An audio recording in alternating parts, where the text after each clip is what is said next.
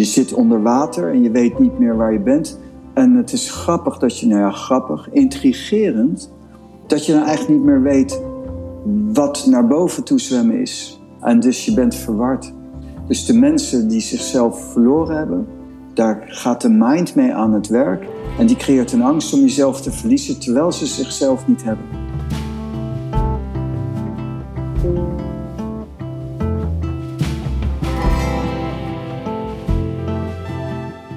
Kijken ik en Pranay, mijn spiritueel leraar die ik aan je introduceerde in aflevering 389, aan tegen opkijken naar je coach of leraar? Daarover gaat deze aflevering. Je herkent misschien wel dat je geneigd bent geweest in het verleden om weg te bewegen van je intuïtie, van je hart, van wat voor jou klopt, omdat je zo graag ontvankelijk wilde zijn voor wat jouw coach of wat jouw leraar jou wilde vertellen. Over ontvankelijkheid ging het al in aflevering 392. Dus als dit een interessant thema voor je is en je hebt die nog niet geluisterd, kan ik je die zeker aanraden. Als je dit herkent, misschien niet bij jezelf, maar dan wel bij je coaches, dat je het gevoel hebt dat ze hun kracht weggeven of dat ze bang zijn om zichzelf te verliezen in hun samenwerking met jou, dan zou ik zeker blijven luisteren. Pranay, wij krijgen ook reacties. Leuk hè? Ja, dat is leuk. Ik ehm, lees er even eentje voor. Ja. Ze schrijft: Ik ben trouwens vandaag de podcast van jou en Pranay aan het binge luisteren en ik vind het heel vermakelijk. Ik kan mij wel vinden in de herkenning van geen guru hebben. Ik voel daar weerstand bij, terwijl ik ook een resonantie voel bij het non-duale. Nou, dan schrijft ze nog het een en ander en vervolgens komt er wat ik interessant zou vinden om eens te horen, is hoe Pranay en jij, want ja, wat jij denkt vind ik ook interessant. Nou, dankjewel voor deze toevoeging. Kijken naar het opkijken naar leermeesters en gelijkwaardigheid van zijn. Die twee stroken bij mij niet. De idolisering in de spirituele gemeenschap waar hij bekend in is, is waar ik dan op doel. Hoe kun je iemands voeten kussen en tegelijkertijd elkaar als gelijke zien? Of zie ik hierin iets over het hoofd? Nou, voordat we hier helemaal op ingaan, want ik wil eigenlijk niet te diep ingaan op de spirituele wereld, omdat we nog steeds ehm, deze content vanuit ondernemerschap benaderen. Iets wat ik heel veel heb meegemaakt in de inmiddels zes jaar dat ik mijn business heb, is dat ondernemers bang zijn om zichzelf te verliezen in een coach-coachie relatie. En daar deed het me aan denken toen ik dit bericht las. Dat er veel mensen zijn die bang zijn. We noemden dat ook al in de aflevering over ontvankelijkheid, receptivity. Mhm. Om zich ondergeschikt te maken. Herken jij dat? Ja, heel erg. En ehm, ik moet altijd een beetje lachen, uh, maar dat bedoel ik niet negatief. Maar mensen willen zich niet ondergeschikt maken, zijn bang om zichzelf te verliezen. Om de reden dat, simpele reden, ze hebben zichzelf al verloren. Ze hebben zichzelf niet. En dus ze zeggen, ik wil me niet verliezen. En je hoort ook verhalen van, ja, waarom heb je het nodig om een coach te hebben of iets? Ehm, ja, maar je hebt jezelf niet. En mensen rekenen zichzelf rijk in de zin van, ik ben zo gelukkig, terwijl ze helemaal niet gelukkig zijn. En dat is wel echt een dingetje. Als je echt jezelf wilt geven, overgeven, geef je jezelf niet weg. Als je, je kunt jezelf alleen maar geven als je jezelf hebt en ook behoudt. Mensen zijn bang om zichzelf te verliezen in relaties, in, inderdaad in trajecten van coaching of dergelijke. En maar dat is niet de opzet van een traject. Een traject van een coaching is om iemand sterker bij zichzelf te brengen. En als je bij jezelf bent en dan deelt, maar ook bij jezelf blijft, dan krijg je friendliness, vriendelijkheid, maar ook de juiste vorm van wat is eigenlijk overgave? Wat is eigenlijk je toevlucht nemen tot? Wat is eigenlijk verbinden en een, iemand aanvaarden die jou iets uh, bijbrengt of probeert te leren? Hier zit al superveel in. Laat ik even beginnen bij het begin van je antwoord. Ja. Je zegt, je kan jezelf niet verliezen, want je hebt jezelf niet. Ja. Nou, ik denk dat dat al belangrijk is om even toe te lichten. Ja, hoezo niet dan? Hoezo je jezelf niet kunt verliezen? Nee, hoezo heb je jezelf niet? Ah, ja, dat kan ook. Ja, nou, ja, hoezo je jezelf niet hebt, is omdat de mensen niet thuisgekomen zijn in zichzelf. Voelen zich niet op hun gemak bij zichzelf en zijn ook niet met hun aandacht in zichzelf. Dus in de meest concrete vorm. Als je zegt, hoezo hebben ze zichzelf niet? Als je praat met mensen, als je bent, is een belangrijk eh, onderdeel is dat je ook jezelf blijft ervaren. En dat is in de beoefening van adem en aandacht letterlijk. Dus dat je letterlijk ook je lichaam voelt en ervaart. En als je jezelf verliest, ga je dat niet meer doen. En dan kun je in je hoofd gaan zitten. En mensen kunnen heel erg emotioneel raken en alles. En dan niet eens meer weten. Ze hebben niet eens door dat ze transpireren en wat dan ook. En doen dingen waar ze later spijt van hebben. En schreeuwen en, en alles. En dat zijn allemaal factoren van jezelf niet hebben. En dus waarom hebben ze zichzelf niet? Ja, waarom hebben ze zichzelf niet? Dat is ook mijn vraag, waarom? Maar niemand heeft dat. Niemand heeft zichzelf, zeg je. Ja, ja, tuurlijk wel. Ja, ja, nee, zeker wel. Gelukkig wel. Maar dan ben je nee. Boeddha. Als je echt jezelf hebt gevonden in de diepte, ben je Boeddha. Maar er is ook een, een instant enlightenment en ook een. Um, baby enlightenment. Baby enlightenment, inderdaad. Wordt door de abt van Clem Village gebruikt. Vind echt een mooie, mooie manier om je te uiten. Baby enlightenment. En, en dat is een. Dus, dus dat is gewoon met je aandacht ook hier nu zijn en jezelf ervaren.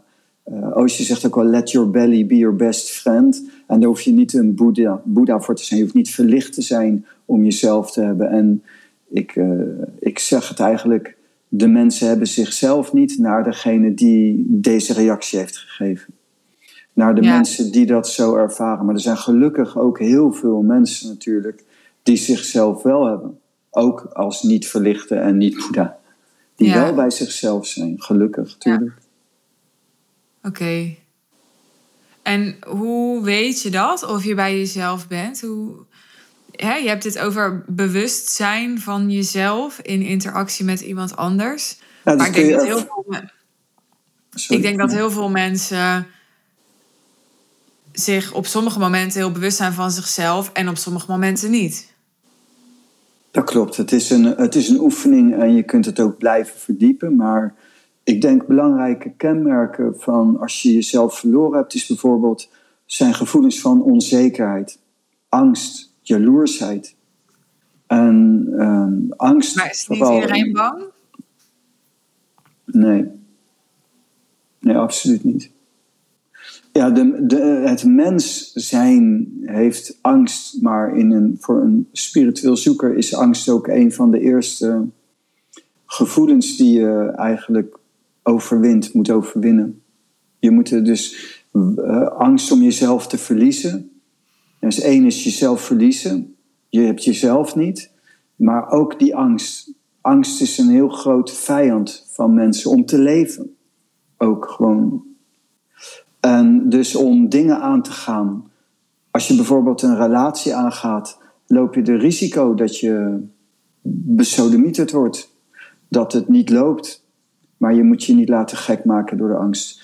Op een bepaald niveau hebben mensen allemaal angst, maar, die, in, maar niet in de zin dat ze zich laten leiden door die angst. Dat ze zich negatief laten beïnvloeden door die angst.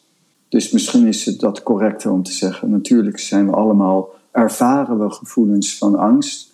Uh, behalve dat ik toch kan benadrukken dat je je niet negatief hoeft te laten beïnvloeden. En dus is mijn eerste reactie daarom toch dat ik zeg nee. Heb jij gevoelens van angst? Ja, ik heb gevoelens van angst in mijn peti zijn, in mijn, in mijn lichaam, in mijn persoon. Maar ik heb niet gevoelens van angst die me verlammen. Of die me dan heel erg negatief beïnvloeden.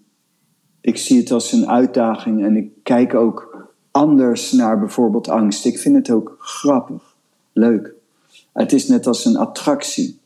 En je ondergaat allerlei dingen. En dus ja, dat heb ik, maar ik heb niet een last, een hinder van angst. Nee. Ik, ik weet ermee om te gaan. Als mensen zichzelf toch niet hebben, hoe kan het dan dat er zo'n angst zit op jezelf verliezen? Dat is hetzelfde. Je vraag is het antwoord. Als je jezelf niet helpt, hebt, je hebt jezelf verloren, dan kweekt de mind een angst om jezelf te verliezen. Maar dat is hetzelfde als dat je, je zit onder water en je weet niet meer waar je bent. En het is grappig dat je, nou ja, grappig, intrigerend, dat je dan eigenlijk niet meer weet wat naar boven toe zwemmen is. En dus je bent verward. Dus de mensen die zichzelf verloren hebben, daar gaat de mind mee aan het werk. En die creëert een angst om jezelf te verliezen terwijl ze zichzelf niet hebben. Ja, ja, dus eigenlijk weet je dat je jezelf verloren hebt op het moment dat je bang bent om jezelf te verliezen. Ja, absoluut. Dan heb je jezelf al verloren. Oh. Ik ben niet bang om mezelf te verliezen. Ja.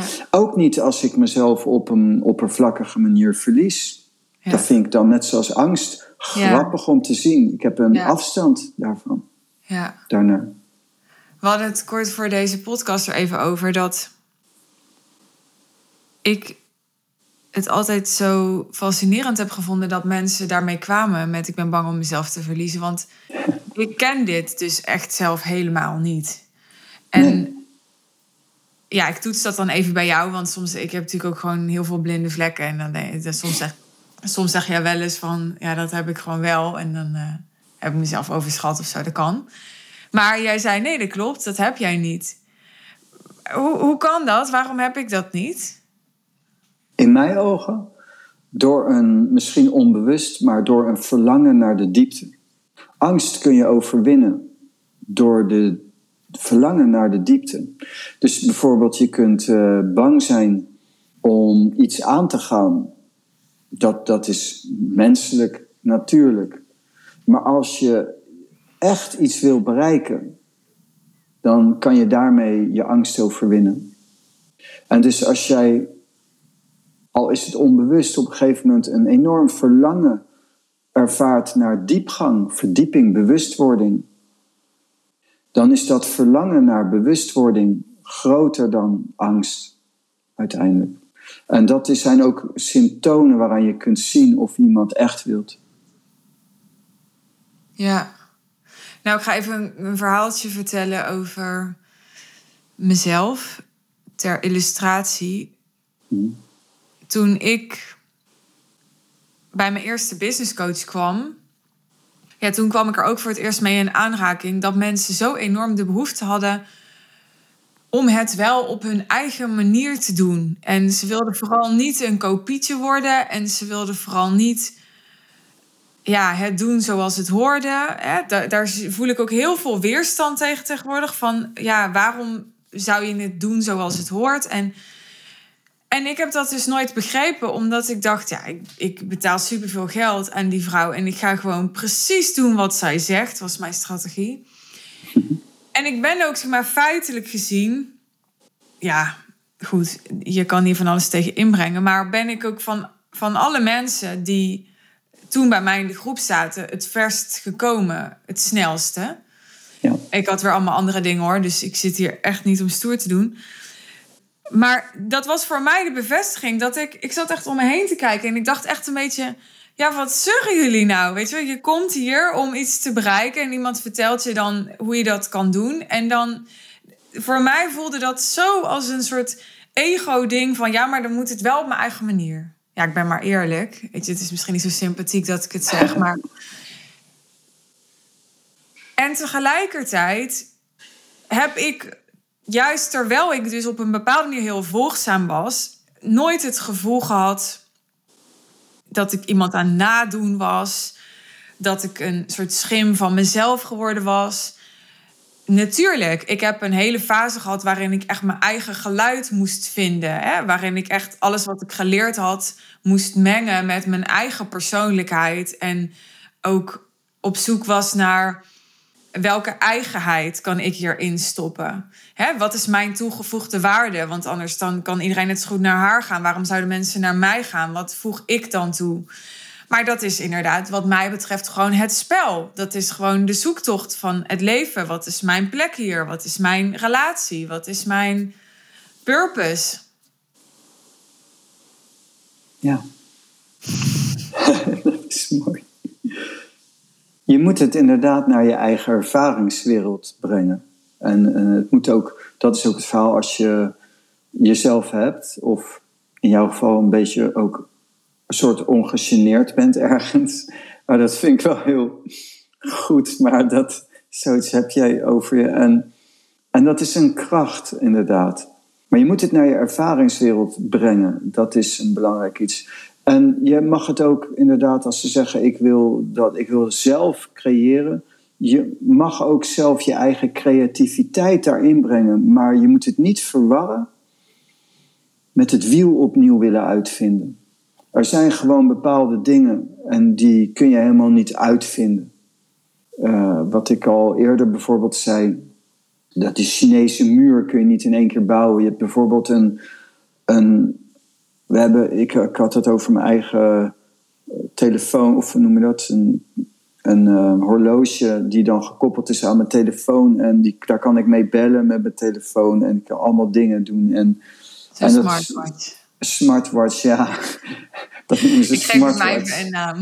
Ja, precies. Ik zat te zoeken, maar ik wist niet meer hoe ze dat noemen. En, en dat is waanzinnig gave materie, vind ik. Uh, heel grappig. En maar de eerste computer was zo groot als een grote hal en die kon dan alleen maar 2 plus 2 optellen. En als je vanuit het niets zelf het wiel uitvindt en je denkt, nou, ik wil ook zo'n horloge maken, dat lukt niet. Je, je kunt niet het wiel opnieuw uitvinden. Je zult gebruik moeten maken van al die mensen die vooraf zijn gegaan. Als je gaat kijken naar, bijvoorbeeld, ik vind dat wel heel grappig om te zien. Het is heel triest om te zien, maar de, de, bijvoorbeeld vrij recent in de geschiedenis dat mensen nog niet wisten hoe ze moesten vliegen en dat er gewoon iemand met een soort doek op zijn rug gebonden zo gewoon van de Eiffeltoren afspringt en dan ook doodvalt. En die had gedacht te kunnen vliegen en met een soort zelfgefabriceerde vleugels. Het is zo koddig om te zien. Zeker als je nu ziet de, de vliegtuigen, hoe dat allemaal toegaat. En, maar de eerste mensen die dat hebben gedaan, die door hun ervaringen, door hun zelfs dood en mislukkingen, uh, is daar nu een modern vliegtuig uitgekomen. Je kan niet gelijk dat vliegtuig bouwen. En dat is een misvatting die heel veel mensen hebben. En ik ben ervan overtuigd dat je, je, je, je hebt een meester nodig, maar je moet ook je meester hoog hebben zitten. En je moet je ook verbinden. En het is juist door die verbinding en die overgave dat het wezenlijke komt. Maar het is niet dat je in die overgave jezelf hoeft kwijt te raken. Wel de beperkte banden van je kleine persoon, je ego, maar niet jou. Niet jij. En er zijn vaak trots en mensen denken dat ze het wel weten. Ja, maar dat heb je toch niet nodig. Maar hoe diep is hun geluk? En kijk eens naar de diepte van het geluk van een Dalai Lama bijvoorbeeld. Hoe zit het met zo'n glimlach? Met zo'n onbevangen toestand van zijn? Zo'n gelukzaligheid. En die mensen zeggen van, Wat heb je, waarvoor zou je dat nodig hebben? Alleen al die intentie. Daar zit al zoveel sluiting in en, en oordeel in en druk in. Er zit zoveel druk in Kun de je mensen. laatste, wil je het laatste stuk even herhalen van Dalai Lama, want hij stoorde daar. Aha. Ja, de, kijk eens naar zo'n iemand als een Dalai Lama die zo glimlacht, zo onbevangen is, zo licht is, zo opgeruimd is. Die intentie van geluk en die diepte van zo'n geluk.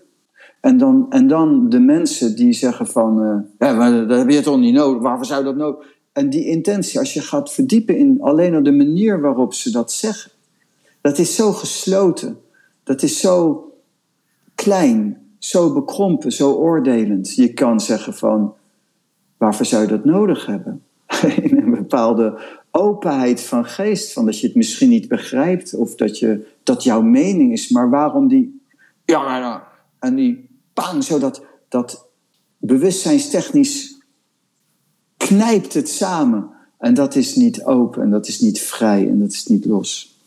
Boeddha zegt niet voor niets, de eerste edele waarheid is, al het leven is pijn en lijden. En als je daar niet bewust van bent, dan ben je niet rijp voor de verandering, maar je hoeft niet per se heel erg te lijden.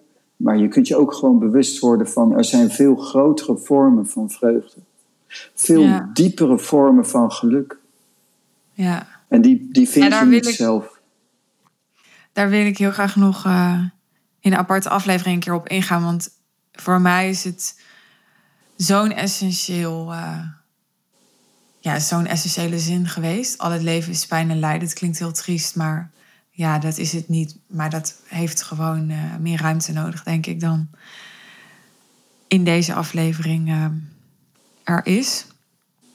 Ik wil nog even naar de zin in dat bericht en die reactie die ik kreeg, die ging over, maar waarom iemands voeten kussen? En ja, dat is dan vooral in gemeenschappelijk, of dat is dan vooral in spirituele kringen, dat, dat ze zoiets doen. Tenminste, mijn klanten hebben nog nooit mijn voeten gekust. Maar als Ik je, zeg niks. nee. als je dat voetenkussen als symbool neemt, Ja. dan wil zij dus eigenlijk weten van, maar waarom zo die, die ja, admiring, hoe noemt het, die, die, dat, dat op een voetstuk plaatsen? Hè? ja. Waarom? Is dat nodig en heeft dat een functie of moeten we dat helemaal niet willen? Hoe kijk je daarnaar? Nou, heel, heel breed eigenlijk. Eh, dat, dat is een onderdeel van de devotionele yoga. Dat sommige mensen, de emotionele mensen, op een emotionele manier hun guru aanbidden. En dat zie je dan heel emotioneel gebeuren. Dat kan. Het mooiste voorbeeld daarin ken ik, die ik ken is uh, Mata Amaritananda Mayi, Amma, Hucking Mother, bekend als de Hucking Mother. En zij heeft zo godsrealisatie bereikt, een team. Maar is niet nodig. Het is niet de enige weg. Maar het, wat erachter zit, het, de lotusvoeten van de meester vereren, is dat je wel moet weten dat je je meester hoog moet hebben zitten. Een guru is ook een ontwaakt iemand. Je moet ook beseffen dat jij iets niet weet wat die ander wel weet. En als je dat niet hebt, heb je geen ontvankelijkheid. Dat is ook wat je zegt. Ja, ik zat daar en ik nam gewoon aan dat die, die persoon die weet dan daar iets en dat neem ik dan gewoon aan. Ja, als je dat niet doet, dan houdt het een beetje op. Dan kun je het niet leren. Maar dat je het zomaar aanneemt, dat houdt niet in dat je daarna gewoon inderdaad wat je ook erbij zegt, heel essentieel is, niet hoeft te kopiëren. Je mag daarna, als je dat wiel dan hebt geleerd van de uitvinder, om dat te maken, kun je hem inkleuren, kun je er dingen mee doen natuurlijk. En je brengt het naar je eigen ervaringswereld, je integreert het in jouw leven. Je hebt ook een gezond verstand nodig. Maar puur technisch, de, de, de werkelijke kennis van de Dharma, de werkelijke kennis van het geluk, naar het geluk of succes, dat, dat vind je niet zelf uit als je het niet hebt. En dat is ook geen schande. Dat is ook niet dat je dan minder bent. Maar er wordt in deze wereld wordt ook vaak misbruik gemaakt. iemand die iets heeft wat een ander niet heeft. En die gaat dan ook hoogmoedig zijn of het misbruiken. Maar je mag het wel gebruiken, maar niet misbruiken. En we hebben natuurlijk heel veel negatieve ervaringen daarin. Ja, ik denk dat veel mensen bang zijn om bij bijvoorbeeld een coach te komen die alleen maar aan hem wil verdienen. Bijvoorbeeld. Ja, dat is ook precies wat mijn uh, voorganger tegen mij zei. Je mag zoveel geld vragen als je zelf wilt. Toen ik hem daarna vroeg, wat vind je daarvan? Nou, je mag, mag heel veel geld vragen. Dat is helemaal geen, dat is niet adarmisch. Maar het moet je niet primair alleen gaan om het geld. Dus als je zeg maar een businessmodel hebt, dan moet je ook echt je intentie zijn dat je ook die mensen wil helpen. Als ik met iemand in zee ga, dan wil ik ook die persoon helpen. En dat ik daar veel of weinig geld mee verdien, of hoe ik dat dan regel zakelijk, is niet relevant als beide partijen vrijwillig dat onaangaan. Ja. Um, maar het kan niet zo zijn dat ik alleen maar geld wil verdienen. Dan moet ik niet een coach zijn. Als ik alleen maar geld wil verdienen, ga ik handelen in geld. Ga ik de beurs op of wat. Ja, ja, maar daar zijn mensen bang voor. Ze zijn bang om benadeeld te worden, is mijn, uh, is, is mijn ervaring. Dus ik vind misbruikt vind ik een te groot woord, maar wel benadeeld. Zo van, ik, mij wordt gevraagd om moedig te zijn, om een moedige stap te zetten. En dan betaal ik veel geld. En ja, wat als het dan niet lukt, of niet meteen lukt, of toch veel meer van me vroeg dan ik had verwacht. Of dan kom ik erachter dat het eigenlijk helemaal niet bij me past. Of, en dan hebben ze het gevoel berooid achter te blijven. Hè, dat, dat, ehm, ja, dat, dat heb ik zelf meegemaakt bij klanten, uh, gelukkig een minderheid. Maar dat, hebben, dat maakt elke coach mee. Elke klant van mij heeft dit soort klanten. tuurlijk. Ja, het is heel belangrijk dat je dat per casus bekijkt en wat er aan de hand is. En dus je kunt niet algemeen daarvan iets zeggen, maar ik kan wel zeggen uit ervaring dat ik wel heel veel heb gezien dat mensen die opstappen, eigenlijk ook opstappen omdat ze niet de bereidheid hebben naar zichzelf te kijken, de reflectie en de, inderdaad de daadwerkelijke te stappen, stappen te ondernemen die ze zouden moeten maken. Dan is de wond te groot intern uh, of de, de angst te groot en de bereidheid niet groot genoeg. En dan stappen mensen op en dan gaan mensen terug uh, spuien naar, naar, de, naar de ander. Die dat, uh, het is niet zo gevaarlijk als bewustzijn prediken. een Jezus is gekruisigd, Osho is vergiftigd, Socrates is vergiftigd. Uh, dat is heel confronterend voor mensen. En de mensen die, die komen in hun angst. En die angst en de mind projecteert allerlei dingen. Maar dat zijn hun eigen dingen. En die worden dan geprojecteerd terug. Dat hoort er ook bij. Dat is ook een onderdeel van je coaching. Dat is ook een onderdeel van het mensen willen helpen. Dat hoort erbij. Ik moet denken aan Osho, die zei van... Ja, en dan doe je er alles aan om de mensen te helpen. En dan vergiftigen ze je. Nou ja, zegt hij, daar moet je ook een beetje de humor van inzien. Ik heb dat ook veel aan de hand gehad. Uh, dat, dat, je eigenlijk wonderen verricht en dat de mensen zeggen van, hoezo heb je gefaald? Het is bizar, maar dat gebeurt. Ja. Ik heb mijn eigen dochter, die was geboren met een uh, herpes een verlamde arm. Ik heb in twee jaar tijd haar drie operaties bespaard en uh, een, een, zat ik met mijn toenmalige vrouw zat ik, uh, bij de neuroloog en die zeiden: Meneer, u heeft een wonder verricht. Die arm die beweegt weer terwijl die zenuwen door waren. Dat kan niet volgens onze wetenschap. En dus wat u heeft gedaan is een wonder. En wij zouden met geen enkele operatie dit resultaat hebben kunnen boeken. Het was altijd slechter dan dat, je, dat die arm nu al is. En tegelijkertijd zijn er mensen die daarna hebben gezegd van, ehm, dat ik uh, het verknald heb. En die geloven dat ook. Er zijn zelfs mensen die zijn naar mijn dochter toegegaan en hebben gezegd van... Uh, jouw vader die heeft, is de oorzaak van jouw arm. En, en, en je had geopereerd moeten worden en zo. Ja, dan denk ik, nou ja. Voor mij is het belangrijk dat ik mezelf in de spiegel kan aankijken. En oprecht kan zeggen van, probeer ik het goed? Ben ik oprecht? Doe ik het goed? En daarnaast is de grap van het leven dat iedereen ermee aan de haal gaat. Door de mind, door angst en zo. Dat is gewoon een onderdeel, dat hoort erbij. Daar word je mee geconfronteerd. Ja, ik, heb van jou, ik heb van jou ook geleerd dat, en daar doet uh, dit bericht me ook aan denken. Het gaat heel erg over uh, gelijkheid. En gelijkheid heeft denk ik ook een direct verband met rechtvaardigheid. Hè? Dus het is niet rechtvaardig om, om een soort ongelijkheid te creëren. En wat zeg jij ook alweer over rechtvaardigheid? De, recht, ja, de rechtvaardigheid, die komt eigenlijk alleen aan de oppervlakte als de taal verloren is gegaan. Ja. Er is iets groters dan rechtvaardigheid, onrechtvaardigheid, gelijk en niet gelijk. En dat is de taal, dat is het innerlijk geluk.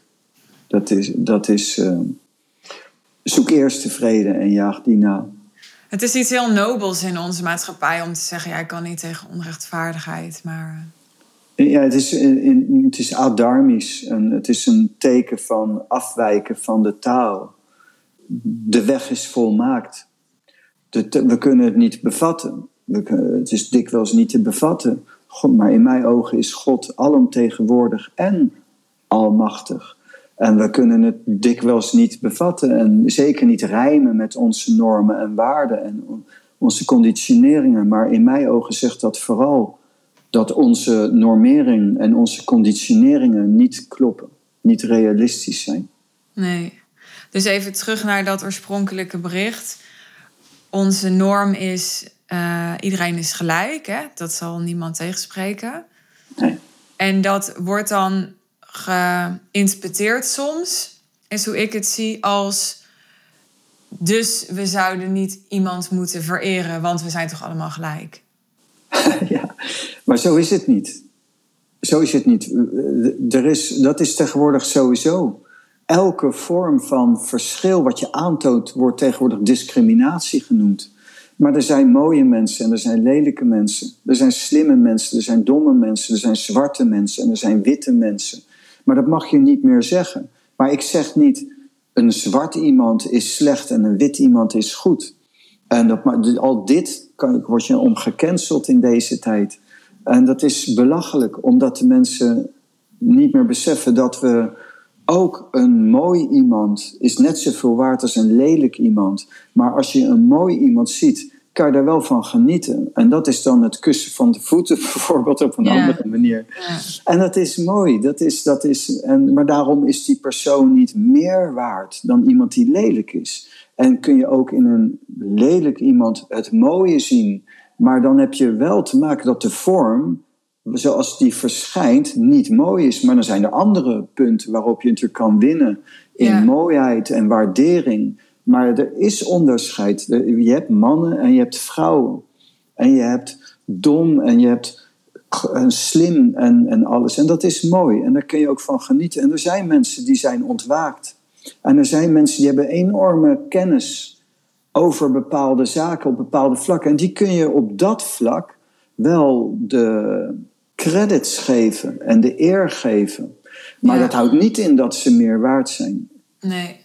Alleen, voor de duidelijkheid. De meeste coaches zijn natuurlijk niet ontwaakt. En daar zit ook de angst, denk ik, dat als iemand echt voelt van... ja, maar deze persoon heeft zoveel meer bewustzijn dan ik... dan kan dat heel veel vertrouwen geven om je daaraan over te geven. Maar als jij gewoon een coachopleiding hebt gevolgd... ja, dan ben je natuurlijk niet ontwaakt. Nee, nee, zeker niet. Er is bijna niemand ontwaakt. Ik, ben zelf ook, ik zou mezelf ook niet betitelen als ontwaakt. Ik ben gewoon een simpele beoefenaar. Zelf zeg ik van ja, ik maak gebruik van iets. Ik voel me eerder dan een soort medium. Ik ken het spelletje.